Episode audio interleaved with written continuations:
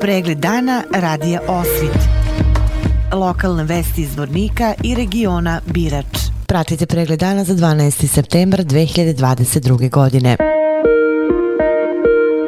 Saobraćaj se na putevima regije Birač odvija po suvim i mestimično vlažnim kolovozima. Na području policijske uprave Zvornik zabeležen je jedan slučaj narušavanja javnog reda i mira u Osmacima. Pripadnici službe profesionalne vatrogas jedinice Zvornik imali su mirnu noć bez intervencija. Kada je u pitanju isporuka električne energije zbog radba na trafostanici Đevanje, danas u 9 do 14 časova bez električne energije bili su potrošači naselja Đevanje. Radovi su se danas izvodili u opštini Osmaci, na trafostanici Šarci, pa su od 8 do 14 časova bez električne energije bili potrošači naselja Šarci. Zbog radova na dalekovodu Vlasenica od 9 do 17 časova bez električne energije bilo je naselje Luke. Danas od 9 do 14 časova bez električne energije bili su meštani Mahale u opštini Milići zbog radova na zameni stubova na trafostanici Kasaba. U zvorničkom porodilištu rođena je jedna beba i jedan dečak. U Republici Srpskoj u protekla 24 časa rođene su 24 bebe. Na graničnim prelazima Karaka i Šepak ipak nisu zabeležena duža zadržavanja.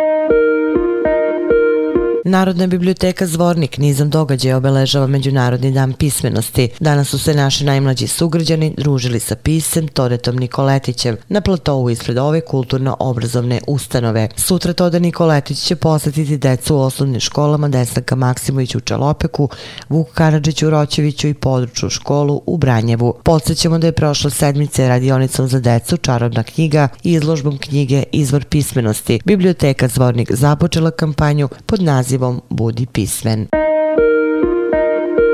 Iz opštinske uprave Srebrenica obaveštavaju građane sa područja ove opštine da će Centar za pružanje besplatne pravne pomoći Banja Luka, Kancelarija Bijeljina, pružati besplatnu pravnu pomoć građanima Srebrenice 15. septembra od 9 do 11 časova u zgradi opštinske uprave Srebrenica, Kancelarija broj 24.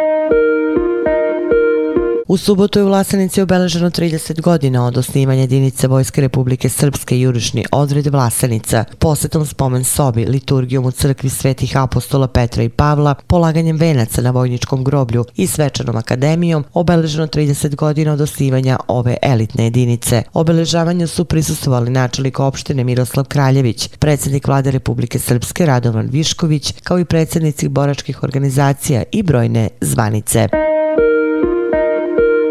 Vesti iz sporta. Futbaleri Drine u sedmom kolu Prve lige Republike Srpske stigle su do prve prvenstvene pobede, a tim iz Vornika bio je bolji od ekipe Železničara iz Banja Luke i slavio rezultatom 4 naprema 1. Posle sedam odigranih utakmica, futbaleri Drine zauzimaju 15. mesto na tabeli sa četiri osvojena boda.